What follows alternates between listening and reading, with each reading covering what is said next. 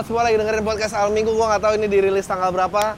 Eh, jadi ceritanya sekarang gue lagi ada di depan kantor Emily Eh, karena banyak menerima komen katanya gue kebanyakan komplain dan nggak bangun positif. Gue kali ini ingin menyikapinya dengan eh, apa yang benar-benar gue pikirin gitu. Karena menurut gue eh, penanggulangan ini tuh eh, parah banget ya dan angkanya akan terus naik. Jadi gue memutuskan kayaknya gue memodifikasi kantor ini jadi eh, bunker aja gitu, menjadi bahtera pertahanan terakhir umat manusia gitu.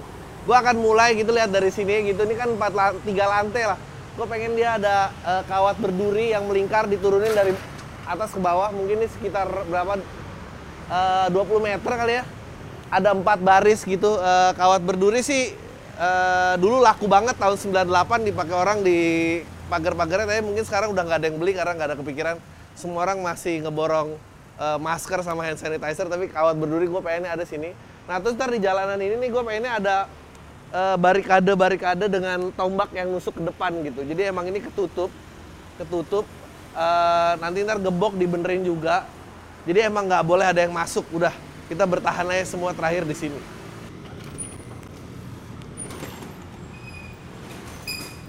Ya ini dalamnya ini pintu udah bagus banget, gelap lagi. Eh,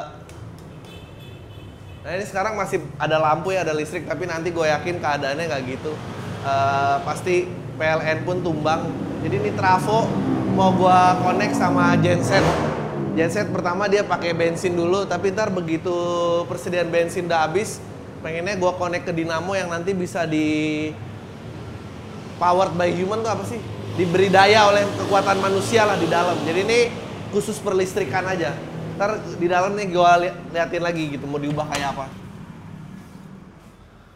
Ya, semud semua kemudahan-kemudahan yang kita nggak pernah appreciate kayak gitu nanti ini nggak akan ada nih. Jadi ini hilang. Tapi kan kita masih butuh lampu ya. Nah, jadi nanti di daerah sini gue pengennya ini ada jajaran eh, treadmill sama sepeda gym. Nah di sini semua yang numpang di sini harus ngayuh dulu sampai tenaganya nyala, baru nanti dikasih makan. Kalau enggak, enggak enggak boleh makan. Enggak boleh makan. Ini studio nanti ntar dirubah. Ini karena sekarang kan studio kan, karena zaman masih makmur. Tapi kalau zaman darurat nih studio ini sebetulnya AC cukup dingin, jadi dia bisa buat eh, gudang penyimpanan makanan. Di sini ntar udahlah kita nimbun aja nggak apa-apa terserah apa kata orang tapi ini nimbun aja kebetulan nih kantor juga dekat sama toko material jadi semua bisa dipesen. Kita naik lagi nih ke atas gue pengen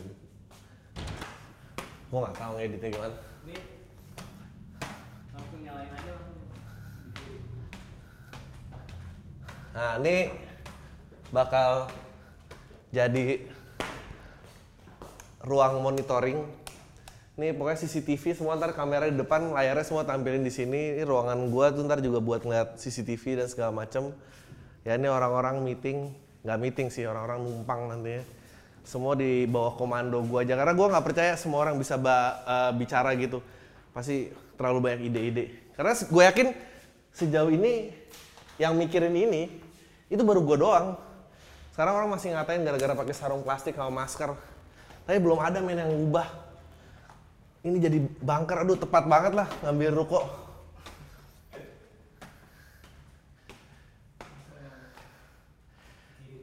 ini tadinya ruangan editing tapi ya ini bisa menjadi ini udah ada kotak P3K nya nanti mungkin buat kesehatan kali ya. Karena yang edit dan video itu profesi yang akan musnah lah di post apokaliptik nanti. Anjing ada ini juga. Gak usah Nah ini yang paling atas ini yang paling penting sih.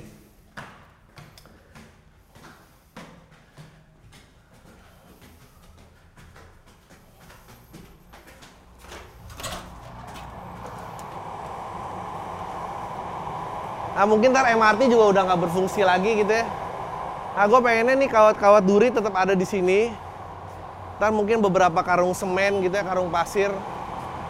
Eh udah kosong men lihat tuh, kayak kereta berhantu. Eh ya di sini ada beberapa senapan, jadi kalau ada yang mau naik kita tembak-tembakin aja gitu. Tembak-tembakin. Gue pengen bikin di sini kayak ada aliran eh pipa gitu yang bisa nampung hujan.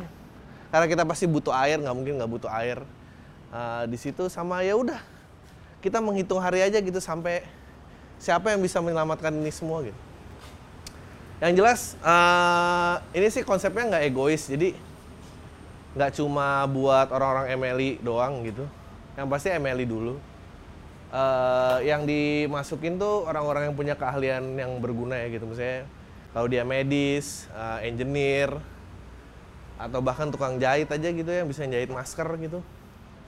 Eh, ya dia boleh masuk gitu. Tapi yang passion passion tuh nggak boleh masuk sih. Jadi kalau emang passionnya baca puisi, apalagi pemburu senja sih, udahlah lupain aja nggak akan bisa bertahan. Eh, pengennya ini juga kalau bisa buat bercocok tanam nih juga lumayan nih. Ya udah kita nongkrong aja di sini, nembak-nembakin orang. Ah dan kita nerima rekrutmen eh, satu pasang dari setiap ras atau daerah karena eh, ya harus dijaga kelangsungan hidupnya gitu. Jadi karena Tionghoa udah ada Patrick dan keluarga jadi Tionghoa out gitu. Sisanya yang lain gimana? gue juga belum tahu. Ah, kenapa binatang nggak ditampung? Karena corona tidak melukai binatang, yang melukai manusia. Jadi binatang tuh baik-baik aja nggak perlu diselamatin. Cuma manusia-manusianya aja. Apalagi ya? Gua gua beneran sih. Bentar lagi eh gue yakin dolar kolaps, mata uang nggak ada yang ini. Nggak tahu eh, nyimpen duit. Gue sih kayaknya pengen narik duit gue semua keluar dari bank gitu simpen aja di bantal atau tuker di tuker logam mulia lah. Tuker logam mulia mungkin masih bisa buat transaksi. Atau eh, ditukar ke antibiotik. Antibiotik juga gua rasa penting ya karena habis itu pasti ntar air kotor apa segala macem. Ya kita harus siap-siap. Apalagi ya obat pokoknya sandang pangan papan obat-obatan eh, itu yang yang gua rasa harus terus ada gitu. Tadi jadi buat yang dengerin audio doang gua ulangin lagi. Jadi di depan tuh ya lo udah tahu ya kawat berduri itu dan eh, barikade gitu begitu di dalam ruangan pertama tuh gue pengen alihin listriknya pakai sistem genset sama dinamo. Eh, abis itu ruangan pertama tuh lantai dasar ruangan exercise sama belakang banget tuh eh, tempat nimbun makanan. Ntar lantai dua tuh buat keamanan semua ruangan security kamera ada ya ke situ. Lantai tiga eh, ruangan medis. Ini rooftop buat pertahanan terakhir ya. Tadi gua, gua udah ngomongin juga tentang sistem irigasinya mungkin bisa bercocok tanam juga dan di sini ya pegang sniper aja gitu. Eh tembak-tembakin orang. Karena menurut gua nggak ada yang peduli ya karena kayaknya pemerintah lo nggak peduli. Eh, jadi lo harus bertahan sendiri aja gitu. Em, jangan panik masih bisa. Jadi kalau orangnya nggak asik gitu nggak kenal dan udah kelihatan sakit-sakit udah nggak usah nggak usah disuruh masuk. Menurut gua eh, kalau lu butuh tenaga eh, cari aja yang gede-gede tapi kalau dia nggak gitu pinter malah lebih baik gitu. Biasanya yang pinter tuh yang banyak opini jadi itu susah tuh. Dalam kelangsungan hidup gini yang pinter sedikit aja tiga dua satu yuk Eh, yang belum dijelasin lagi itu sih. Sebetulnya pengen beli lagi eh, alat-alat radio amatir tuh karena cuma ntar gelombang FM doang tuh.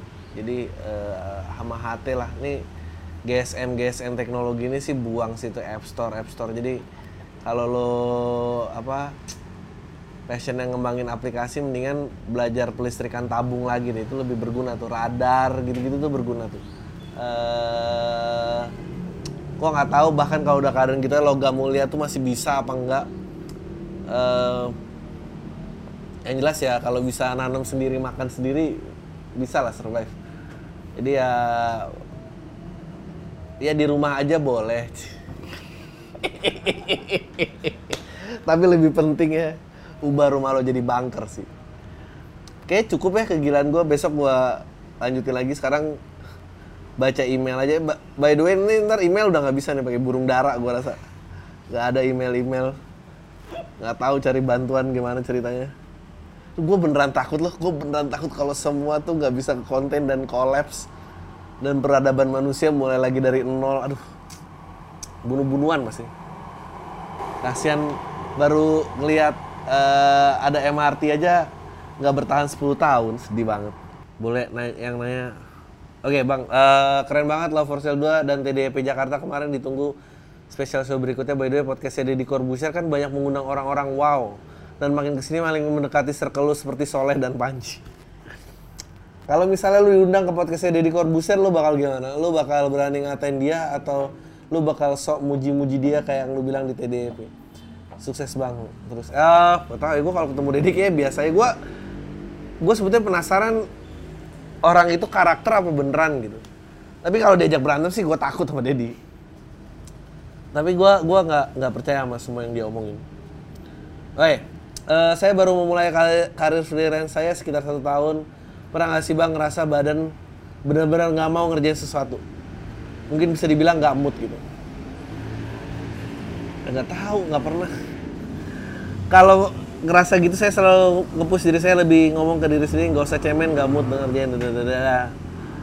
fase kayak gini gue rasa nih karena lu umurnya 24 25 gitu pasti eh, malas-malasan kayak gitu dan gue rasa lu cukup apa namanya eh, makmur ya jadi nggak gitu mikirin makan keluarga cicilan dan segala macam. Jadi lu ogah-ogahan aja. Eh, tantangan orang kaya tuh memang kalau udah punya duit tuh gimana cara bermotivasi lagi inter interest belajar copywriting any tips for suggestion? Uh, advertising for idiots atau apa gitu deh. Ada kok bukunya? Apa advertising for dummies? Coba deh belajar itu, itu lumayan. Oke. Bang gue dari Bandung.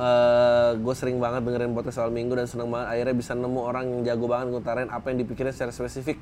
Sampai pas lagi ragu aja bisa diutarain gokil Boy Pang udah banyak berjasa untuk gue yang terjaga di setiap lembur kerja dan teks surat untuk bahasan lo yang random tapi mampu bikin gue ikut-ikut meraca atas cara lo bicara yang belibet itu. Tai. Tapi asli eh, podcast natural banget kayak Pam lebih seru dibanding podcast yang lain. Oke oke oke. Gue nggak mau baca puji-pujian. Sebelum pertanyaan gue, gue mau ngasih tahu kalau gue juga bikin podcast gara-gara lo eh, nggak bisa lepas dari influence lo. Racunnya kali lu mau denger lo versi KW anjing. Judulnya podcast lembur. Podcast lembur ya. Yang gue tanya adalah gue lagi mulai bikin semacam agensi kecil bang bareng teman-teman gue udah dua setengah ini dijalanin kita punya beberapa klien fokus kita sih di sosial media spesifiknya Instagram yang menarik di antara kita tuh nggak ada yang pernah kerja di agensi jadi kita ya udah jalanin dulu dan learning by doing gue pengen tahu dong bang gimana pengalaman lu dulu pas agensi dan dunia gimana bagaimana struggle lo jadi copywriter dan batu loncatan apa yang ngerubah hidup lo sampai ke titik sekarang mudah-mudahan direspon Eh, beda banget ya dunia soalnya dulu bukan digital eh, dulu media tuh cuma konvensional cuma radio eh, surat kabar eh, cetak ya dan dan TV gitu. Eh, masa berpikir tuh jauh lebih panjang lu bisa menargetkan orang yang psikografisnya lebih spesifik. Maksudnya lu punya majalah olahraga lu punya majalah musik. Nah sekarang psikografis tuh nggak tahu letaknya di mana. Jadi demografis geografis psikografis itu semua ngelebur jadi sat- satu. Dan gue juga nggak tahu belajarnya tuh pakai apa lagi. Karena basic dari semuanya itu adalah gimana caranya lo berkomunikasi sama target market yang lo tuju. Eh, kalau dulu gampang karena cukup konsisten. Tapi ntar lagi juga eh, pertanyaan ini nggak valid lagi karena kalau wabah corona meriset peradaban manusia berarti lo paling yang digunain tuh eh, flyer-flyer kayak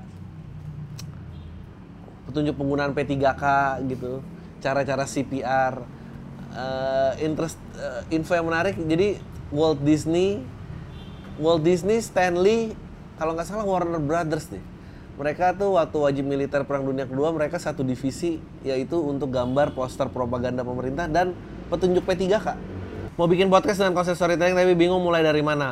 Eh, mulai aja dulu. Perangkat apa yang dibutuhin apa aja? Eh, HP sih gue waktu itu rekamannya pakai HP apa bisa memiliki hubungan percintaan tapi obrolan dan selera humornya beda?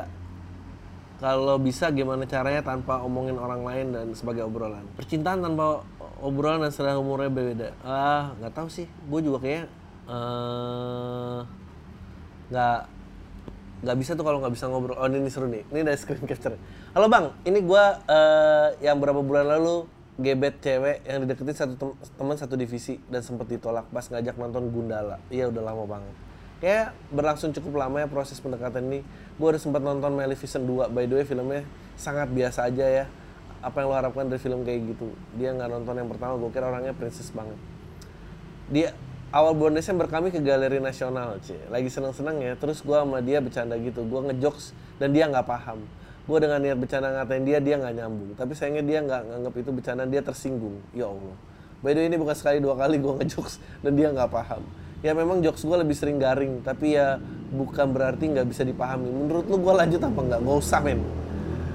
Kalau nggak sekalian kata- kata-katain gue, gak usah men ngapain bercanda udah beda gitu. Kemarin di tempat kerja gua lempar senyum ke dia, eh dia buang muka, fuck. ya udah gue diemin aja satu cewek kerjaan. Nah, gue lampirin screenshot chat gue anjing. By the way kawan satu divisi gue ternyata udah nembak gebetan gue katanya sih lewat HP dan mereka belum pernah jalan. Sekali yang ngajak jalan si cewek nggak bisa. By the way gue lagi dengan podcast lu. Dulu lu sempet ngeros Agim. Katanya karirnya hancur setelah poligami. Dan lucunya sekarang dia comeback dengan badan hasil fitness. AA Gym AA Gym Oke nih nih nih nih nih, gue bacain nih screenshotannya. Tukang kebun juga bisa jadi kaya. Emang lu kira kelapa sawit bukan hasil kebun? Eh bukan tukang kebun dong, milik kebun. Ini apa sih masih bahas spot mau pakai kebun pakai apa? Maaf kayak kita nggak cocok. Kenapa emang? ya ini ngelucu. Ngatain diri sendiri aku pengen bikin kebun besar tapi ngurusin pohon di rumah aja malas gitu. Oh sorry, aku tak peka. Ya Allah. Apalagi dibanding-bandingin sama gue, aku malas kalau berkebun beli pohon. Anjing ini sih garing banget. Cukup sampai di sini. aku tersinggung loh kamu bilang aku nggak nyambung jadi kepikiran apa emang iya gitu. Tapi udahlah kau berhak bernolak kita hidup di negara demokratis. Sedih. Udahlah nggak usah dilanjut.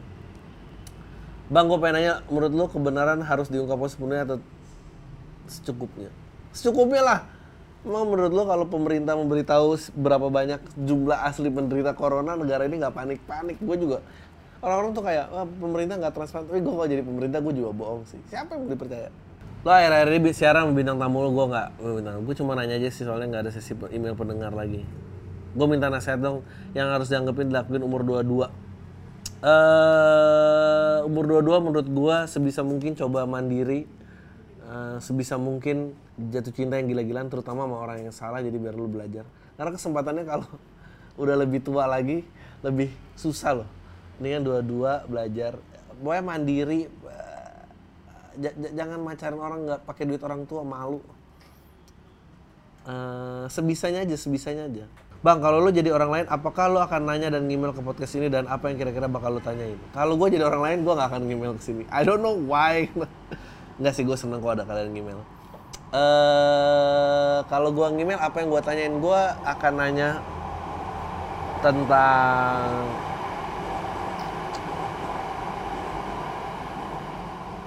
eh mungkin percintaan sih.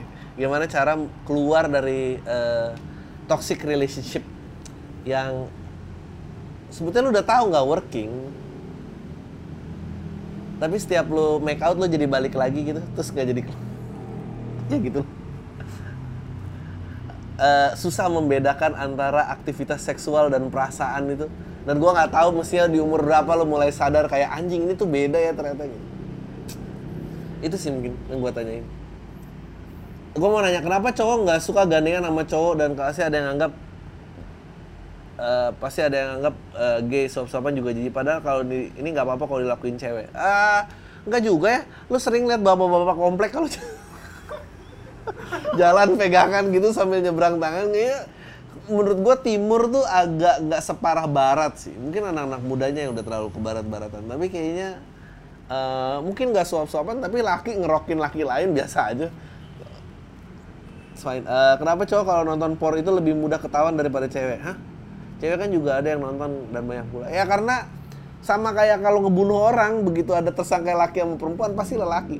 Orang-orang tuh gue paling sebel sama eh, narasi-narasi feminis yang bilang kayak pikirin eh, kalau gue sebut CEO di kepala lo laki apa perempuan kalau lu gue sebut astronot laki apa perempuan? Sebut engineer laki apa perempuan? Semua bilang laki. Men tapi laki juga kalau lu sebut pencopet juga pasti laki. Lu sebut pemerkosa juga pasti laki. Lu sebut pembunuh laki.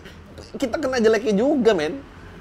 Cewek ya udah nggak ada aja gitu maksudnya. Padahal cewek juga bisa sama abusifnya bisa sama eh, menyakitinya. Sama aja.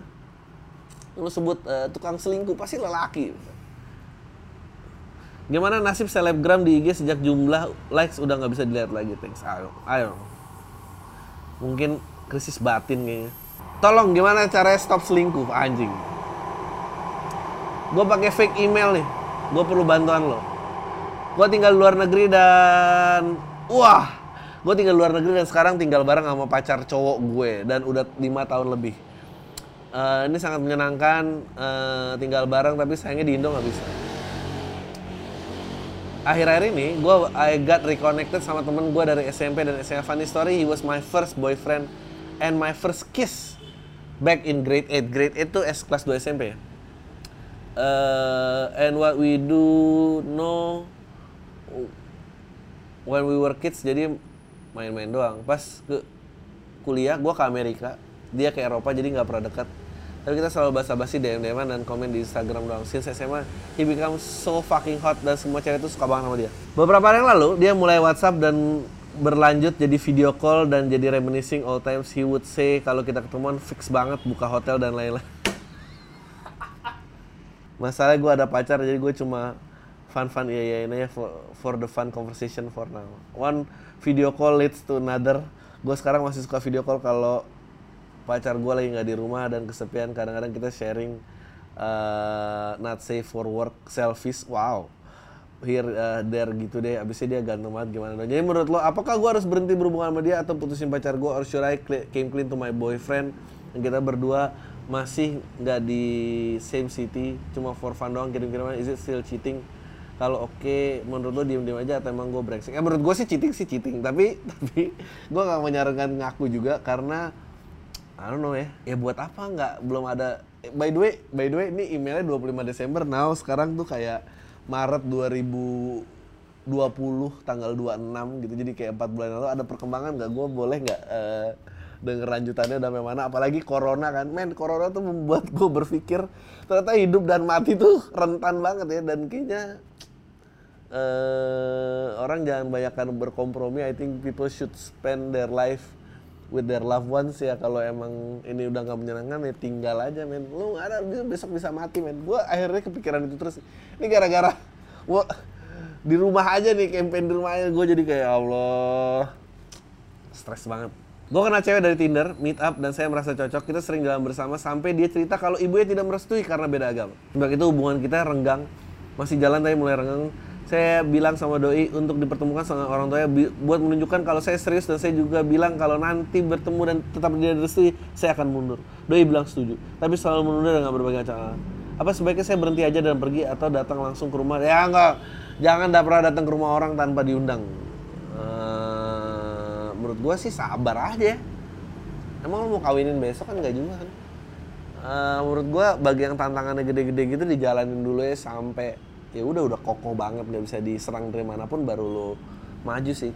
Eh, Dia mungkin nunda eh, nunda ya karena dia nggak siap perang aja, tapi bukan berarti dia nggak mau. Eh, nggak tahu mungkin juga dia nggak mau kali tau lah. Di saat corona seperti siapa yang akan anda hubungi pada saat akhir-akhir hidup ini? Man, life is fragile, man. Eh, email kedua saya, saya rindu obrolan monolog Adri. By the way, emailnya ditulis lah dengar podcast 30 Day of Lunch ada Bang Adrinya. Saya cuma mau bilang makasih Bang Adri dada, dada, dada, yang udah bikin accelerate terutama bagian Chico Jericho yang final saya sampai ngapain monolognya Chico saking epicnya video itu. Gara-gara video itu saya jadi tahu Angga Sasongko, Visinema, Adriano Kalbi, Andi Lorenz, orang-orang keren yang kayaknya passionate di bidangnya. Saya awalnya ka- sempat kaget dengerin podcast Bang Adri, rasanya 180 derajat sama pesan yang ada di Accelerate. Kalau di Accelerate saya merasa dimotivasi untuk mengejar passion, di PAM saya merasa dijatuhkan ketika dihadapkan dengan realita. Tapi memang banyak benernya sih Bang omongan lu. Saya jadi lebih berpikir realistis. Kemarin saya juga sempat menonton TDP Jogja dan menurut saya saya seperti dengerin bapak-bapak yang suka ngomel pas baca koran pagi-pagi emang suka lucu mikirnya sampai nggak tapi sampai nggak bikin saya ngakak tapi nggak sampai bikin saya ngakak banget. Tapi favorit saya adalah waktu Bang Adri bilang kecil mau kabur dari rumah.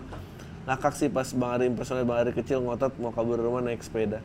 Dan entah kenapa saya lega mendengar Yandi Lawrence yang kaget lihat Bang Adri cukup kasar di up pada aslinya bijak. Sorry Bang kalau banyak email ini juga begitu. Hmm, Jawab pertanyaan di obrolan bareng Yandi Lawrence. Eh, ada yang kenal Adri dari Visinema ada bang saya tai.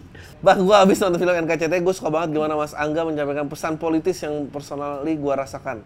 Gue pernah dengar kalau setiap detail scene blocking dialog yang ada film itu pasti dipikirkan secara matang untuk nyampein pesan dan emosi. Dan film berdiri oke. Tentang ketahuan terha- ketakutan terhadap etnis Tionghoa. Gue bingung pas nonton scene yang pas pertama kali ornamen orang Cina menunjukkan Waktu itu Kale dan Awan jalan-jalan ke semacam Chinatown Awan sebagai nyobain makan permen dan ngasih duit ke barongsai. Gue ngerasa absurd banget kalau memang Kale punya pilihan date ke tempat itu. Seingat gue scene selanjutnya Kale nyeberangin Awan dan punya trauma nyeberang itu sendiri. Gue langsung teringat kalau Kale pernah ngajakin Awan buat ketakut lawan ketakutan dia naik motor. Scene nyeberang itu make sense dan konteks melawan ketakutan Awan. Gue berpikir adegan Awan ke daerah Chinatown itu ngasih duit barongsai doesn't come up out of nowhere. Menurut gue Mas Angga nyabain konteks ketahuan masyarakat ketakutan masyarakat sama orang Cina tanpa paham perspektif mereka ya mungkin la la la dan gue ingat awan ngomong kayak kamu tahu dari mana sih tempat terpencil kayak gini soalnya konteks Cina ditekan dalam kata terpencil itu ini kenapa email ke gue ya? Kenapa nggak email ke Angga aja sih? gua, gua, gua, kenapa nggak email ke Angga aja? La la la. Oke, permisi, permisi ya, Ci gue naik ke atas dulu. Gue yakin sebenarnya itu tidak perlu ada. Lu tau dari mana? Gue pribadi gak ada masalah dengan pengalaman pribadi memorable terhadap orang Cina. Gue suka banget dengan cara Mas Angga membangun.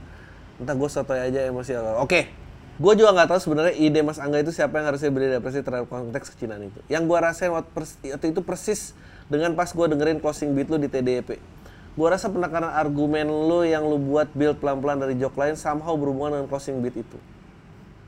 Oh iya memang Eh, ternyata lu dan Mas Angga story lu dan Mas Angga berada storyteller yang hebat banget. Gimana caranya bisa jadi storyteller yang bagus ya bang? Karena abis nonton film ini gue coba nyampein ke temen gue tentang konteks Cina ini, they don't seem to be interested. Gue tau lu suka Billboard, Bill argumennya tentang beat Michelle Obama, tapi lu ada contoh favorit nggak? Gimana seorang seniman membangun referensi? Gue penasaran referensi lo yang yang bukan dari stand up comedian dan kenapa lo merasa argumen terasa lebih genuine diterima. Nah, Oke, eh, gimana caranya menjadi storyteller? Eh, menurut gua bukan tentang lo, tapi tentang audiensnya. Jadi argumen yang dibangun tuh sebetulnya bukan tentang apa yang mau lu sampein. Yang lu sampein tuh udah ada dan lu selalu simpen di dalam kepala lu. Tapi gimana cara nyampein mereka tuh paham. Jadi lu kayak bangun jadi misalnya ada tembok tinggi nih. Lu maksa orang tuh ngeliat lewatin tembok itu. Nah, kalau lu tinggi cukup kan lu bisa langsung lihat tapi kalau dia nggak cukup lu harus kasih pondasinya di sini di sana di sini di sana jadi sebetulnya bukan konteks membangun argumennya itu bukan for the sake of ngebangun argumen tapi lebih ngasih untuk pijakan-pijakan bahwa oke di sini udah gua solve ya di sini gua akan solve. Oke di sini lu udah paham nih oke kita akan naik sini jadi the less semakin lu tidak bercermin terhadap diri lo semakin eh, lu bisa mengutarakan itu karena demi kepentingan audiensnya biar mengerti apa yang lo pengen sampaikan. Gak usah sebut nama email atau nama eh, dia gue cewek umur 23 tahun. Minta saran dong aku harus gimana. Aku pernah ngejalanin hubungan sesama pria. Kita jadian sekitar setengah tahun eh sekitar satu eh seteng, satu tahun setengah setahun setengah oke. Emang putus nyambung gitu dan putus itu benar-benar putus di bulan Juli 2019 dan puncaknya putus aja gitu sayangnya aku masih sayang banget sama dia. Kita emang LDR dari Januari 2019 awalnya baik-baiknya sampai Juli itu dia agak aneh. Kayaknya bukan ke dia ya aku tanyain apa aku mau samperin ke kota di sana dibilang nggak usah aku udah nekat mau nyamperin ke sana tapi tetap nggak mau disamperin. Ya udah aku ngalah. Terus tetap putus. Dia keke putus waktu itu. Pokoknya aku ditinggalin gitu. Hari ini aku dapat kabar dia udah nikah sama orang. Sana Desember lalu kaget dong. Aku selain aku masih sayang kok bisa ya? Pasti ini deketnya pas lagi sama aku. Terus dia bukan tipikal orang yang mau nikah muda. Sekarang umur 23 dia itu orang yang suka ngebully orang yang nikah muda. Padahal pakai modal orang tua lah. Dia sendiri akhirnya gitu. Gimana tolong wakilin untuk berkata kasar? Aku amini aduh ini lucu banget gak boleh dibaca lagi. Oke gua respect aku ngelakuin karena aku ingin berakhir sama dia. Aku tahu aku kemarin jadi selingkuhan yang dia menangin. Aku tahu aku salah kata Panji jadi selingkuhan harus bisa lebih baik dari pacarnya and I do that. Aku harus gimana? Stres banget sih dia udah mau nikah aja padahal aku punya ekspektasi balikan sama dia. Dalam setahun atau dua tahun ini masih relate karena orangnya setahu aku nggak mau nikah muda jadi oh, maklum By aku bakal nonton acara abang di mana pun itu karena uangnya buat ke mana pun.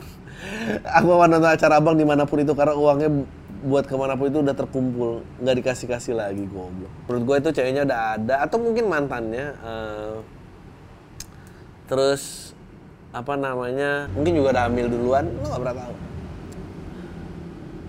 Gue baru nonton acara penobatan Dave Chappelle sebagai penerimaan penghargaan tertinggi di komedi Amerika Serikat Mark Twain Prize di pidato dia ngebahas tentang seni stand up yang hanya di Amerika seni ini bisa berkembang seperti sekarang karena kontribusi yang mendukung Lenny Bruce, George Carlin, Richard Pryor, Dave Chappelle dan masih banyak lagi secara kemudian. Sosial kritik dan itu membuat mereka dihargai sebegitunya di Amerika Serikat karena suara mereka. Gue minta maaf karena di awal rasanya nggak sopan banget nanya hal ribet. gue pendengar podcast awal minggu jadi pendapat lo sangat berarti buat gue. Sebagai praktisioner stand up di Indo, apakah menurut lo stand up di Indo bisa berkembang seperti di Amerika Serikat? Bisa aja. Eh, tapi kita kayak masih di zaman Lenny Bruce. Ya sih, jadi masih panjang banget. Kalau nggak jadi kiamat, there's always hope. I don't know. uh, I, I think I really ini ini terakhirnya gue sih sangat rindu ya. Gue udah rindu banget kayak dunia yang damai. Jadi maksudnya I think saat-saat seperti ini mungkin lo bisa mengerti maksudnya konteks kenapa makmur lo harus beradab. Maksudnya ketertiban dan ketenangan itu kan nilai-nilai kemakmuran. Jadi susah gitu peradaban tuh dicapai gitu. Boro-boro kritik sosial orang alamnya aja hancur. Ah, jadi ya semoga cepet tenang aja sih. Ya udah itu aja. Lu semua. Deh. Dah capek. Terima kasih ya teman-teman